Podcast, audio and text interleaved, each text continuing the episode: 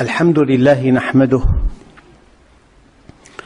ونستعين به ونسترشده ونعوذ به من شرور أنفسنا وسيئات أعمالنا. من يهده الله فلا مضل له ومن يضلل فلن تجد له وليا مرشدا. وأشهد أن لا إله إلا الله وحده لا شريك له إقرارا بربوبيته وإرغاما لمن جحد به وكفر وأشهد أن سيدنا محمدا صلى الله عليه وسلم رسول الله سيد الخلق والبشر ما اتصلت عين بنظر أو سمعت أذن بخبر. اللهم صل وسلم وبارك على سيدنا محمد وعلى آله وأصحابه وعلى ذريته ومن والاه ومن تبعه إلى يوم الدين. اللهم لا علم لنا إلا ما علمتنا. إنك أنت العليم الحكيم. اللهم علمنا ما ينفعنا وانفعنا بما علمتنا وزدنا علما. وأرنا الحق حقا وارزقنا اتباعه. وأرنا الباطل باطلا. وارزقنا اجتنابه واجعلنا ممن يستمعون القول فيتبعون أحسنه وأدخلنا برحمتك في عبادك الصالحين. أيها الإخوة الكرام لا زلت أقول إن أخطر شيء في الدين سلامة العقيدة.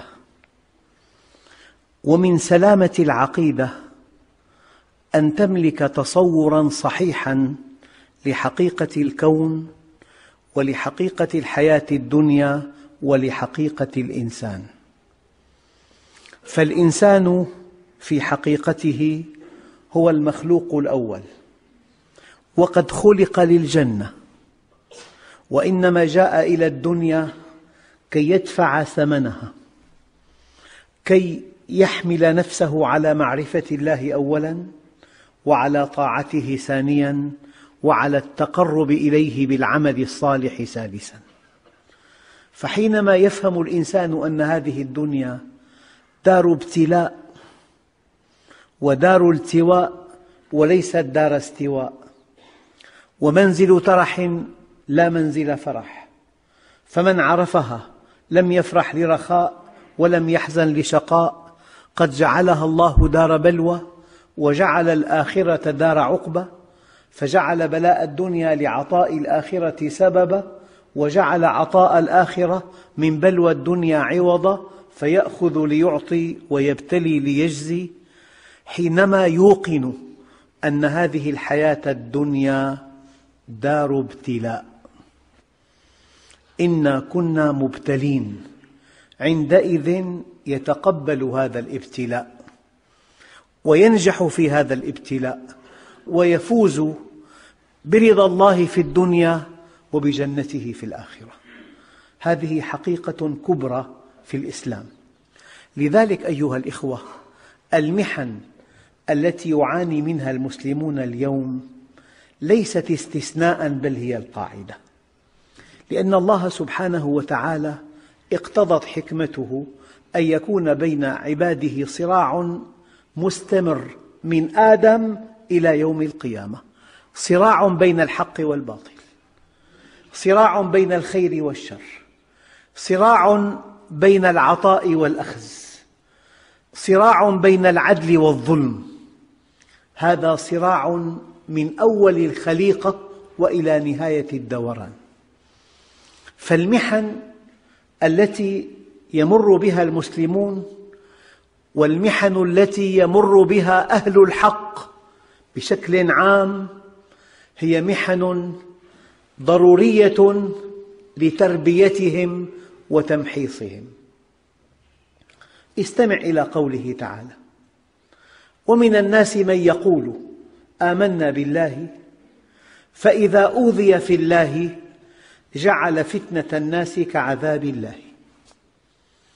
إذا لا يكفي أن تقول آمنت بالله.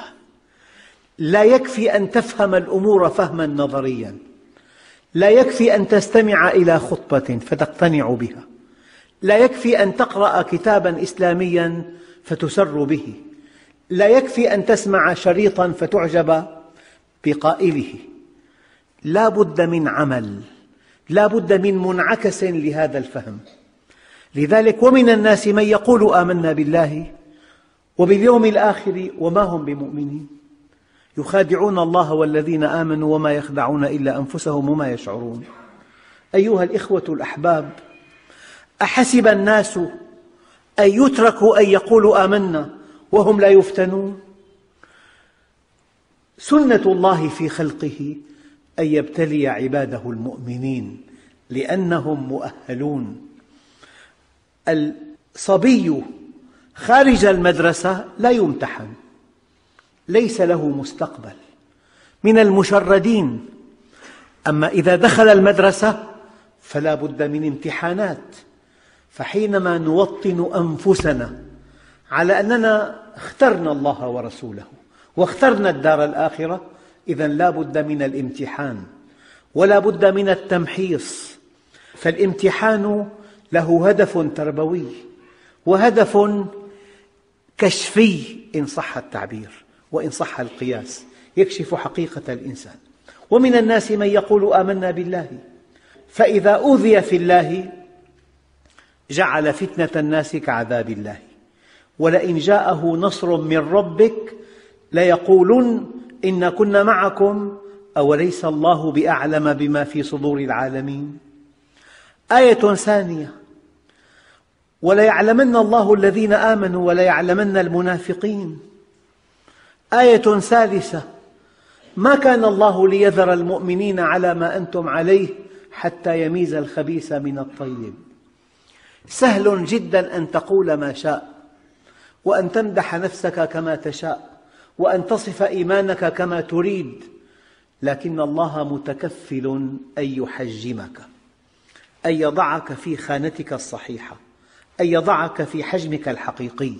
فلذلك يقول الله عز وجل في آية بليغة وكل كلام الله بليغ إنا كنا مبتلين.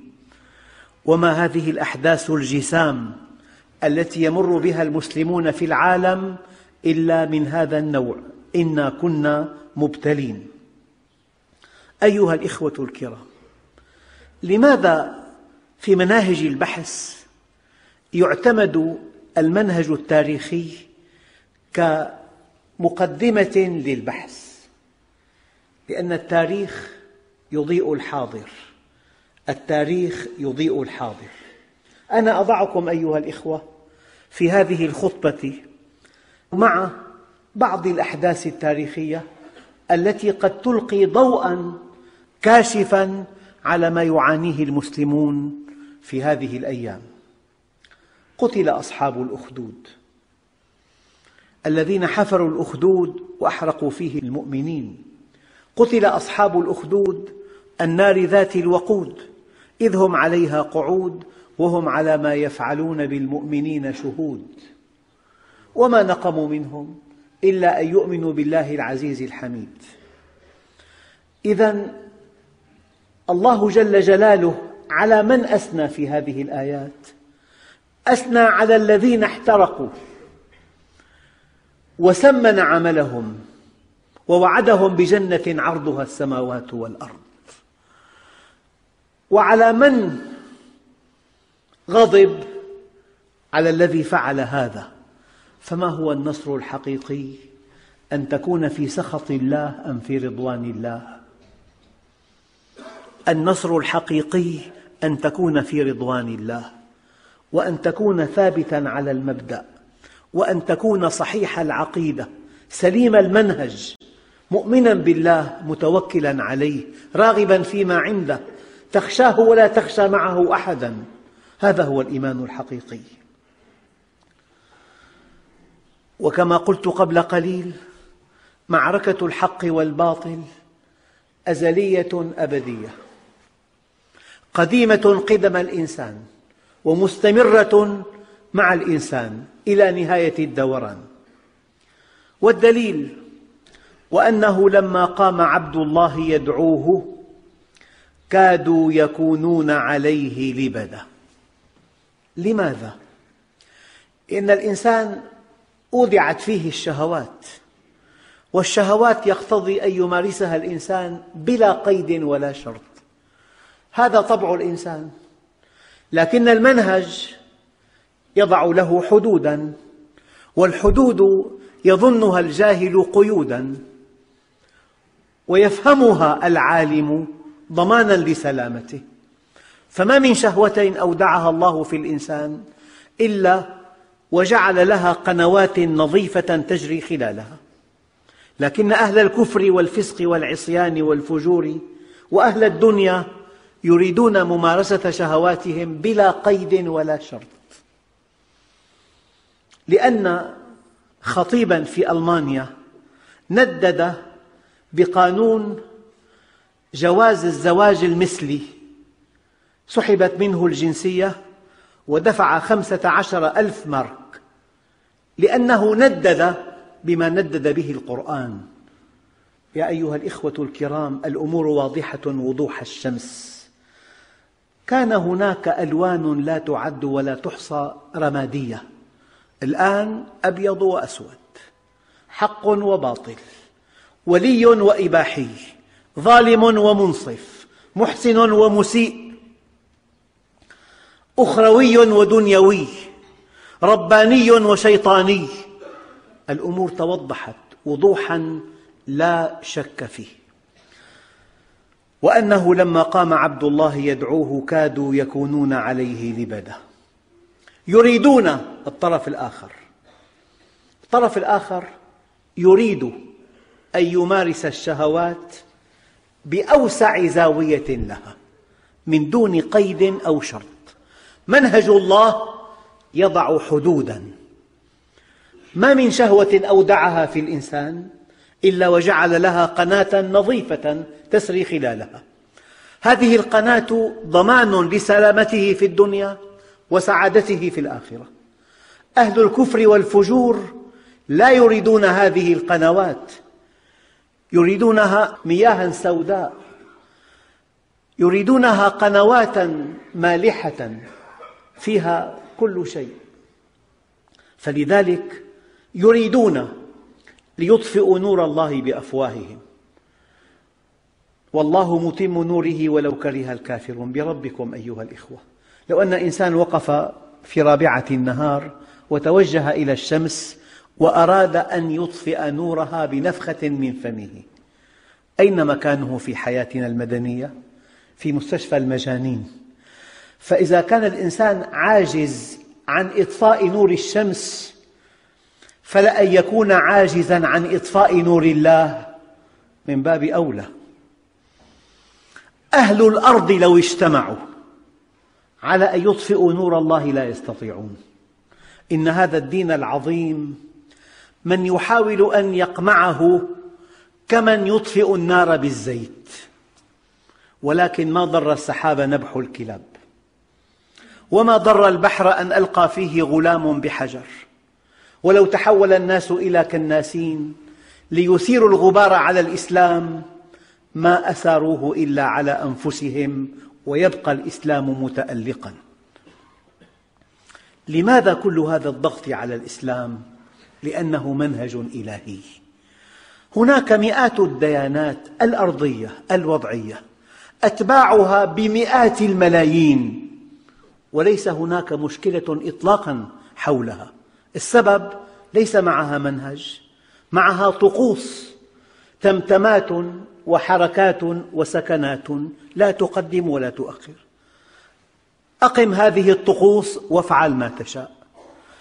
مثل هذه الديانات لا يمكن أن تثير مشكلة في الحياة لكن الإسلام منهج الله. فيه افعل ولا تفعل فيه قيود أو في الأصح فيه حدود لسلامتنا. لذلك الذين أرادوا التفلت من أي قيد يحاربون هذا المنهج بكل ما عندهم من قوة. وهذا ليس جديداً إنما هو قديم. يريدون ليطفئوا نور الله بأفواههم. والله متم نوره ولو كره الكافرون. الشيء الذي لا يصدق أن محنة الحق والباطل أزلية أبدية. وأن معركة الحق والباطل أزلية أبدية. وأن المؤمنين دائما يدفعون الثمن باهظا لأنهم يدفعون ثمن الجنة. وفي النهاية الانتصار للمؤمنين. اقرأوا تاريخ النبي عليه الصلاة والسلام. هؤلاء الذين عارضوه وناوؤوه وأخرجوه وأتمروا على قتله أين هم في التاريخ؟ إنهم في مزبلة التاريخ وهؤلاء الذين نصروه وعززوه ودافعوا عنه ونشروا دعوته أين هم في التاريخ؟ هم في لائحة الشرف أيها الإخوة الكرام قل للذين كفروا ستغلبون زوال الكون أهون على الله من ألا تحقق هذه الآية. لكن للباطل جولة. للباطل جولة. ثم يضمحل. إن الباطل كان زهوقا. زهوق صيغة مبالغة. تعني مهما يكن الباطل كبيرا زهوق. ومهما يكن متعددا زهوق. المبالغة تعني الكم والنوع. إن الباطل كان زهوقا.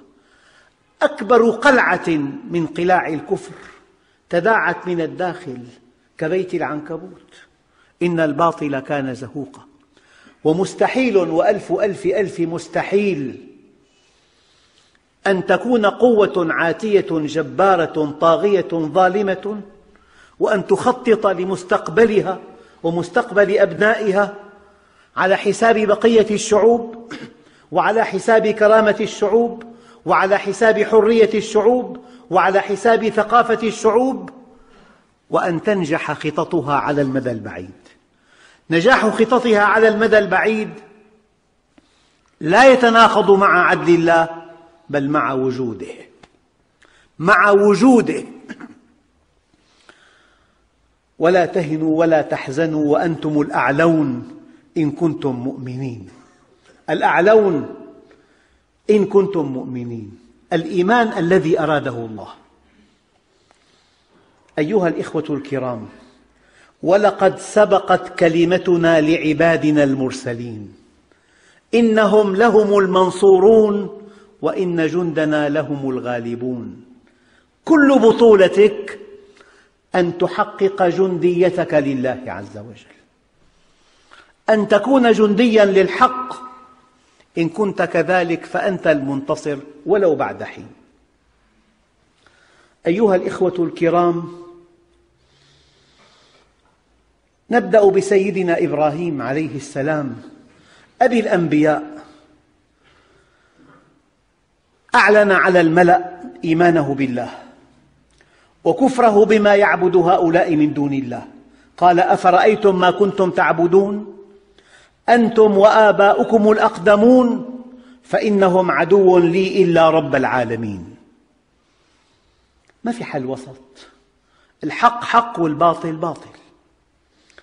ماذا فعلوا به؟ ألقوه في النار. من المنتصر؟ قلنا يا نار كوني بردا وسلاما على إبراهيم. سمح الله لهم أن يعتقلوه. وسمح لهم أن يوقدوا نارا عظيمة. ولم تطفأ بمطر غزير. جعل الجو مناسبا لتألق هذه النار. وسمح لهم أن يأخذوه وأن يلقوه. وفي آخر الحلقات قلنا يا نار كوني بردا. لو قال بردا لمات من البرد. وسلاما. ولو قال بردا وسلاما لتعطل مفعول النار إلى يوم القيامة على إبراهيم فقط. قلنا يا نار كوني بردا وسلاما على إبراهيم.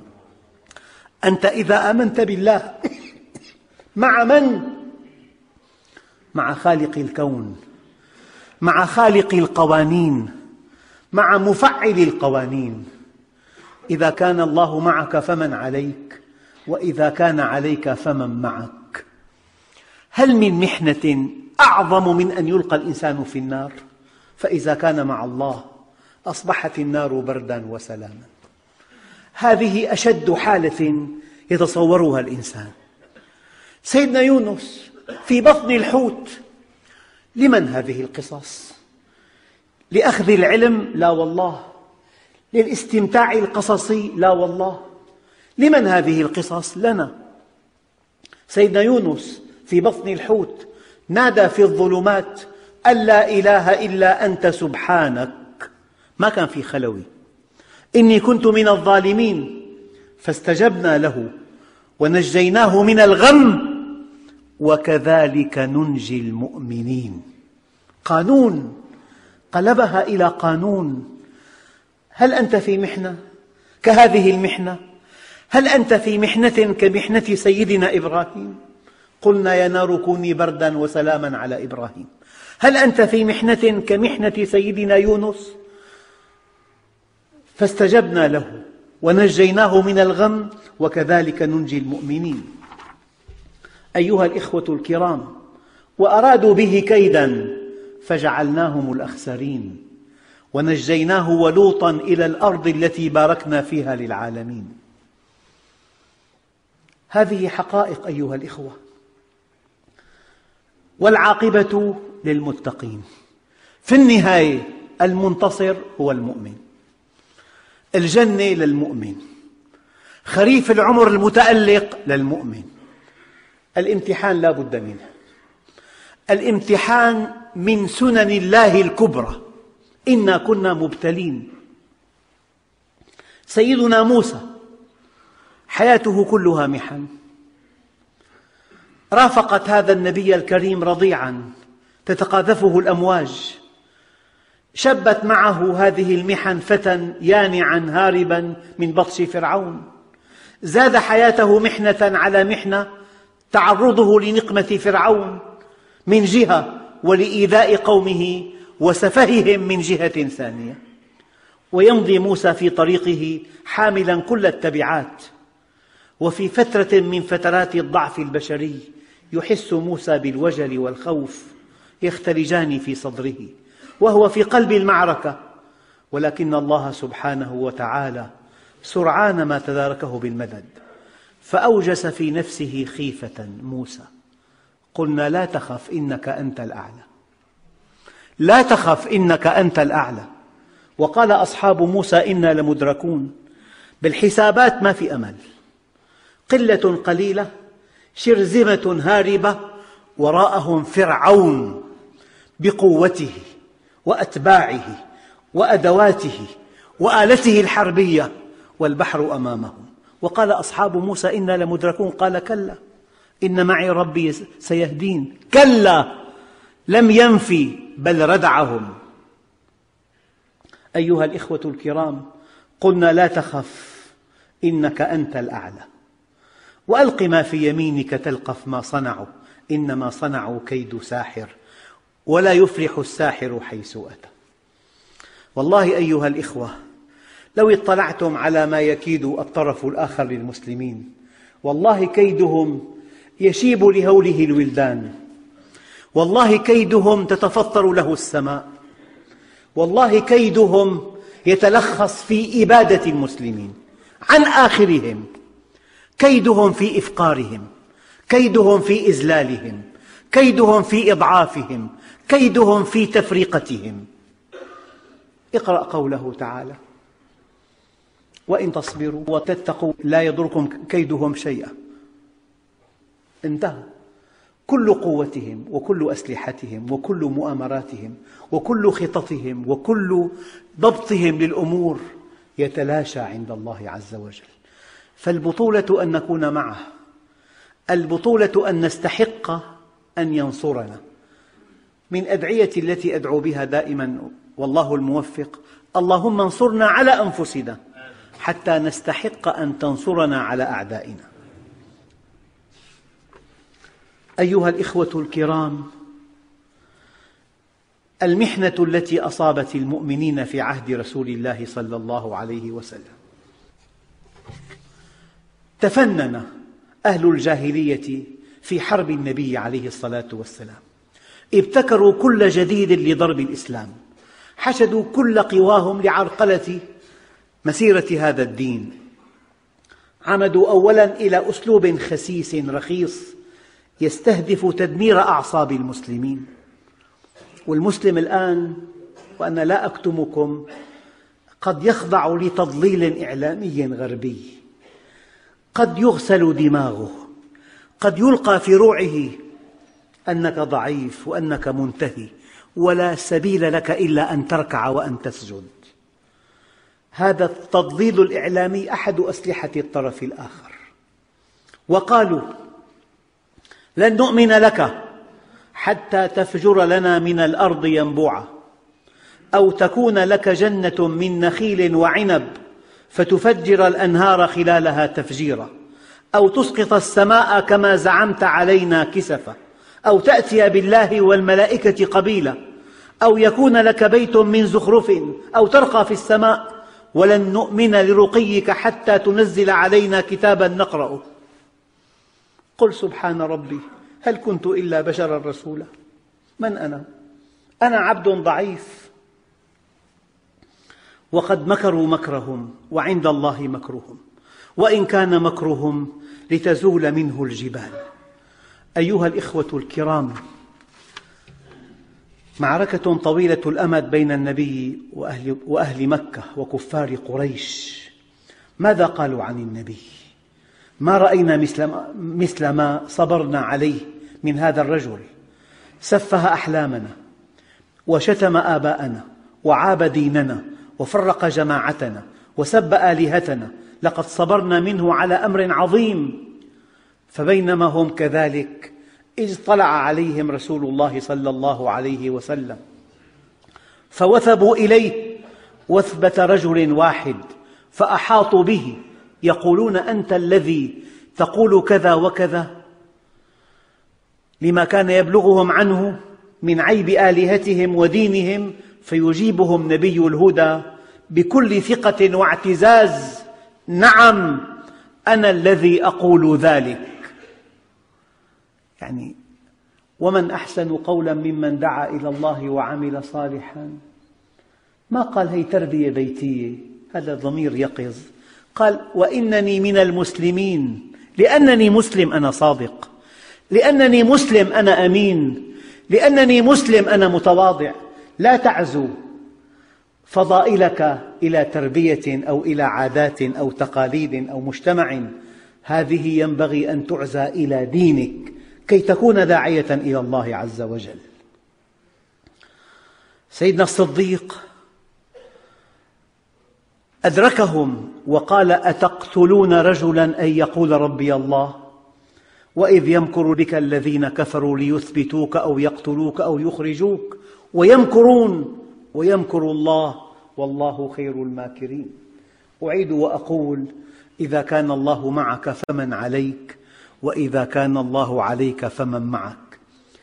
إخواننا الكرام لأن الإسلام ثورة حقيقية ثورة على المعتقدات البالية ثورة على التصورات المزيفة ثورة على كل طرح بعيد عن وحي السماء ثورة على كل السلوك الذي يعبر عن شهوة وتفلت لأن الإسلام ثورة حقيقية. كان الإسلام وكان أهل الإسلام في محنة شديدة وما هذه المحنة إلا ثمن الجنة. سيدنا بلال كان أمية بن خلف يخرج بلالا إذا حميت الظهيرة فيطرحه على ظهره في بطحاء مكة ثم يأمر بالصخرة العظيمة فتوضع على صدره ثم يتهدده قائلا إنك ستظل هكذا حتى تموت أو تكفر بمحمد أو تعبد اللات والعزى. وكان بلال يردد ويقول أحد أحد. محنة آل ياسر. أما ياسر الأب لم يقوى على تحمل العذاب لكبر سنه. فمات لتوه. وأما سمية فقد أغلظت القول لأبي جهل فطعنها عدو الله بحربة في أحشائها فكانت أول شهيدة في الإسلام. فنزل قوله تعالى ولا تحسبن الذين قتلوا في سبيل الله أمواتا بل أحياء عند ربهم يرزقون. أيها الإخوة الكرام خبيب ابن عدي الذي ساقه كفار مكة إلى مكة وباعوه لمن قتل أبوه في بدر وكان سيصلب. وضع على خشبة الصلب وتقدم منه أبو سفيان وقال يا خبيب أتحب أن يكون محمد مكانك وأنت في أهلك معافى؟ فقال قولة والله لا أشبع من تردادها. يقول هذا الصحابي الجليل والله ما أحب أن تكون لي الدنيا وعافيتها ونعيمها وأنا في أهلي وولدي في بيته وزوجته وأولاده ومعه مال وفير وعافية ونعيم ورفاه وأن يصاب رسول الله بشوكة. أقرأ على مسامعكم تفاصيل هذه القصة. أيها الإخوة في اليوم المحدد لقتله أخرجه المشركون إلى التنعيم ليصلبوه فقال لهم إن رأيتم أن تدعوني حتى أركع ركعتين فافعلوا. قالوا دونك فاركع. فركع ركعتين أتمهما وأحسنهما ثم أقبل على القوم فقال أما والله لولا أن تظنوا أني إنما طولت جزعا من الموت لاستكثرت من الصلاة. لكن أراد أن يموت عزيزا ما أطال الصلاة. أتمهما وأكملهما. وعندما رفع خبيب على الخشبة قال له المشركون ارجع عن الإسلام نخلي سبيلك. فقال لا والله ما أحب أن أرجع عن الإسلام وأن لي ما في الأرض جميعا. إن قتلي في الله لقليل. ما قدمت شيئا. اللهم إني لا أرى إلا وجه عدو. ما في أحد حوله من المؤمنين. اللهم إنه ليس ها هنا أحد يبلغ رسولك عني السلام. فبلغه أنت.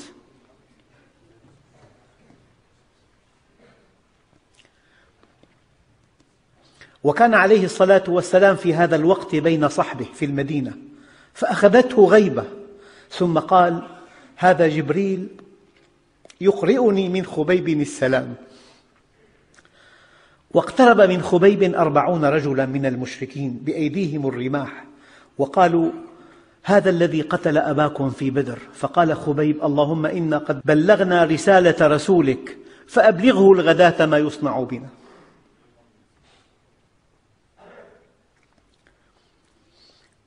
وعندما أخذت الرماح تمزق جسده استدار نحو الكعبة وقال الحمد لله الذي جعل وجهي نحو قبلته التي ارتضى لنفسه ونبيه وللمؤمنين.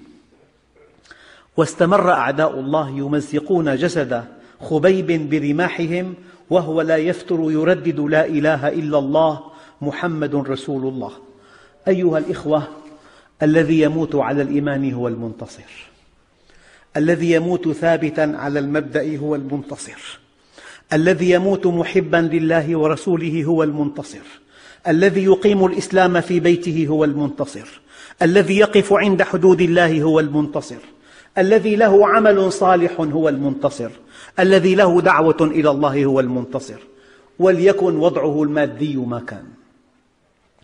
أيها الإخوة الكرام الحسن البصري دخل في محنة مع الحجاج قال قولة الحق فأمر بقتله. فلما دخل على الحجاج ورأى السياف واقفا والنطع ممدودا حرك شفتيه بكلمات لم يفهمها أحد. وإذا بالحجاج يقف له ويستقبله ويجلسه على سريره ويقول له يا أبا سعيد أنت سيد العلماء. واستفتاه ثم أكرمه وودعه وشيعه إلى باب القصر السياف والحاجب ذهلا وصعقا ما الذي حدث؟ جاء به ليقتله والسياف واقف فتبعه الحاجب قال له يا أبا سعيد ماذا قلت لربك؟ قال قلت يا ملاذي عند كربتي ويا أنيسي في وحشتي اجعل نقمته علي بردا وسلاما كما جعلت النار بردا وسلاما على إبراهيم أيها الإخوة الكرام نحن في أمس الحاجة إلى هذه الدروس محن المسلمين أزلية أبدية لكن لهم الجنة ألم يدخل عمر على النبي عليه الصلاة والسلام رآه مضجعا على حصير أثر في خده الشريف وين السرير؟ وين الرياش؟ الفرش الوسيرة وين؟ بكى. قال ما يبكيك يا عمر؟ قال رسول الله ينام على الحصير وكسرى ملك الفرس ينام على الحرير. يعني مئات الألوف يقتلون وهذا الذي يأمر بقتلهم يجلس على أريكة يشاهد مباراة كرة قدم. رسول الله ينام على الحصير وكسرى ملك الفرس ينام على الحرير.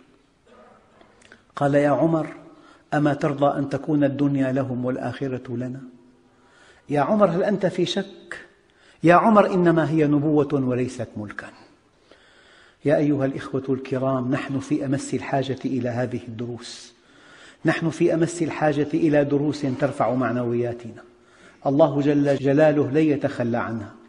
وإذا مد الله في أعماركم وأرجو ذلك سوف ترون أن هذه الأحداث التي وقعت لها أثر إيجابي كبير جدا في الإسلام وأن هذا الدين العظيم انتقل إلى بؤرة الاهتمام في العالم كله وأن هؤلاء الطغاة في الغرب وفي إسرائيل مهمتهم عند الله توحيد المسلمين. وبدأت معالم وحدتهم إن شاء الله بدأت معالم تضامنهم بدأت معالم غيرتهم بدأ الحق يتوضح. والله ولا مليار خطبة توضح الحق كما وضحته هذه الأحداث. ولا مليار خطبة ولا مليار كتاب توضح الحق كما وضحته هذه الأحداث في العالم كله. الله جل جلاله يقول ونريد أن نمن على الذين استضعفوا في الأرض ونجعلهم أئمة ونجعلهم الوارثين. إرادة الله أن يمن على هؤلاء المستضعفين. لا تعدل الدنيا عند الله جناح بعوضة. فلما نسوا ما ذكروا به فتحنا عليهم أبواب كل شيء. حتى إذا فرحوا بما أوتوا أخذناهم بغتة فإذا هم مبلسون. أقول قولي هذا وأستغفر الله العظيم لي ولكم. فاستغفروه يغفر لكم